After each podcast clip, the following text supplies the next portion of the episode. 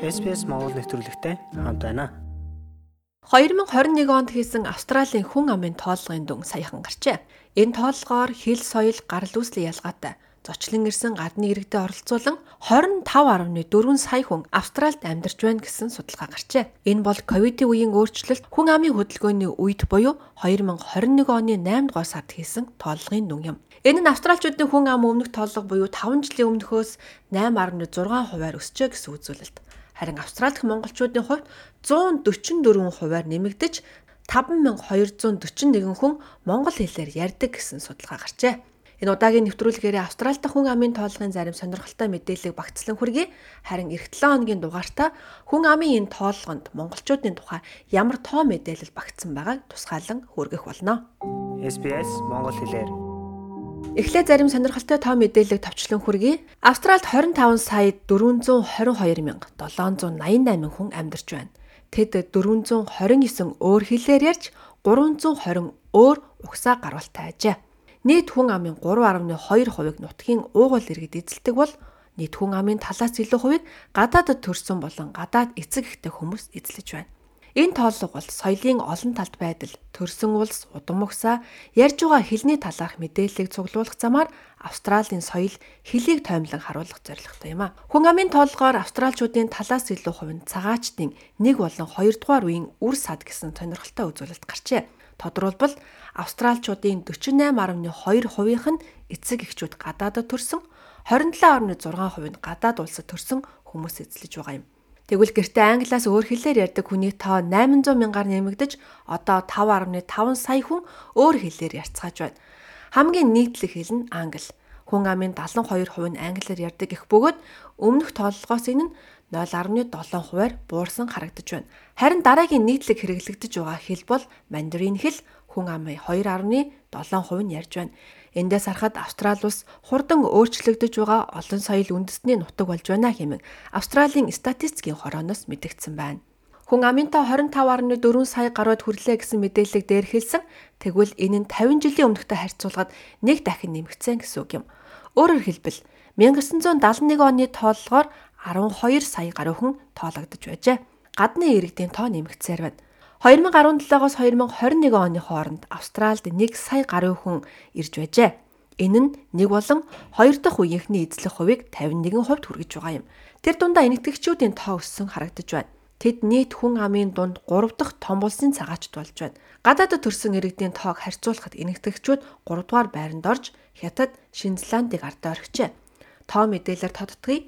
Нэгдүгээрт австралчууд 17 сая буюу хүн амын бараг 70%-ийг эзлэж байна. Харин дараа нь англичууд 927 мянгуулаа.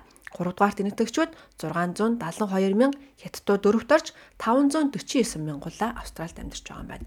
Дараагийн үзүүлэлт хүн амын тоолгоор мөн урт хугацааны эрүүл мэндийн талаарх мэдээллийг цуглуулж 8 сая гаруй австралчууд архаг хууч өвчтэй гэж онцлогджээ. Хамгийн олон бүртгэгдсэн өвчнөөс харвал 2.2 сая хүн сэтгцийн эрүүл мэндийн ямар нэгэн асуудалтай байна. Харин 2.1 сая хүн үе мөчний өрөвсөлтэй, 2 сая гаруй хүн астмат өвчтэй гэж мэдэгджээ. Эмэгтэйчүүд эрэгтэйчүүдээс илүү урт хугацааны эрүүл мэндийн асуудалтай байгааг энэ судалгаа харуулсан байна. Aboriginal болон Torres хоолын арлын иргэдийн тоо нэмэгдсэн байна. 2016 оны тоотой харьцуулахад тэд 25 хувиар буюу 812728 хүнээр нэмэгдэж хүн амын 3.2%-ийг эзлэж байна. Уламжлалт хэл бол тэдний хувьд маш чухал зүйл. Тэд 167 хэлээ хадгалан үлдэж өнөө хүртэл ярьж байна. Австрали дахь шашин шүтлэгийн талаарх тоог харцгаая. Христийн шашин 8 хувиар буурсан ч хамгийн нийтлэг шашин хэвээр байна нийт хүн амын 43.9% нь өөрсдөө Христ шашинтай гэж мэдүүлжээ. Тэгвэл шашингүй гэх хүний тоо өмнөх тооллогоос нэмэгдэж 38% хүрчээ. Шашны тоолгын мэдээлэл нь сүүлийн 20 жилийн хугацаанд ихээхэн өөрчлөгдсөн нь Австралийн онцлогийг харуулж байна. Ковид цар тахлын үед цагаач иргэдийн тоо буурчээ. Австрали 2017 оноос хойш 1 сая гаруй шин цагаачдыг хүлээн авсан бол тэдний ихэнх нь ковидын цар тахлын өмнө иржээ. 2017-оос 19 оны хооронд 3 жилийн хугацаанд 850 мянган гаруй хүн ирсэн бол 2020-21 оны үед 165 мянган хүн л цагаачлан иржээ. Хүн амын тооллогоос харах нэг сонирхолтой үзүүлэлт байна. Энэ бол Австралийн гэр бүлийн байдал өөрчлөгдөж байна. Хүн амын тоолгонд анх удаа 1 сая гаруй гэр бүл эцэг эхчээгээ амьдарч байна гэсэн тоо бүртгэгдсэн байна. Тэдний 5 эцэг их тутмын дөрөв нь эмэгтэйчүүд байна. 2021 оны хүн амын тоолгоос 5.5 сая гаруй хос гэр бүл бүртгэгдсэний 53% нь хүүхэдтэй 47% нь хамт амьдардаггүй гэжээ. 2016 он буюу өмнөх тооллогоор өөр хүний хүүхдийг харж ханддаг 55-аас дээш насныхан 825 мянга байсан бол энэ удаагийн тооллогоор энэ тоо 50 мянгаар буурч 775 мянга болжээ.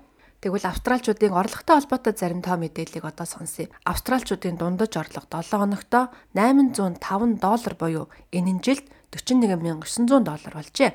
Энэ тоо таны амьдарч байгаа газраас хамаарч өөр өөр байгаа юм. Жишээлбэл ACT мужийн иргэд 7 хоногт хамгийн өндөр орлоготой буюу 1203 байна. Тэгвэл Northern Territory-гийн иргэд 936, Баруун Австралийн 848, New South Wales мужийнхан 813, Victoria мужийнхан 803, Queensland-ийн 787, Өмнөд Австралчууд 734 долларын цалин авч явал Тасманиагийнхан хамгийн бага буюу 701 долларыг 7 хоног тутамдаа авч байна. 2016 онд сүүлийн тооллого хийснээс хойш улсын дундаж хувийн орлого 143 доллараар өссөн нь эндээс харагдаж байна. New South Wales мужийнхан дундаж орлогоор улсдаа дөрөвдүгээр жагсан боловч хувийн хамгийн өндөр орлоготой иргэд энэ мужид хамгийн олноор амьдардаг юм байна. Тэнд 373 мянган хүн өндөр орлоготой тооцогдож байгаа бол Виктория дараа нь Queensland мужийнхан орж байгаа юм байна. Энэ тоолгоор 906 сая хүн улсын дундаж орлогоос доогуур орлоготой эсвэл огт орлогогүй байгаа ч мөн тоологдсон байна. Энэ удаад бид 2021 оны тоолгоор австралчуудын дунд гарч байгаа зарим сонирхолтой тоо мэдээлэл хүргэлээ. Дараагийн дугаартаа Австралид амьдардаг монголчуудын хувьд ямар өөрчлөлт гарсан тэдний насны бүтц гэх мэт мэдээллийг тайлбарлан хүргэх болно. Эх 7 хоногт уулзлаа. Түр баяртай. Лайк, share, comment үлдээгээрэй. SBS Монгол Facebook хуудсыг дагахаа мартаоцай.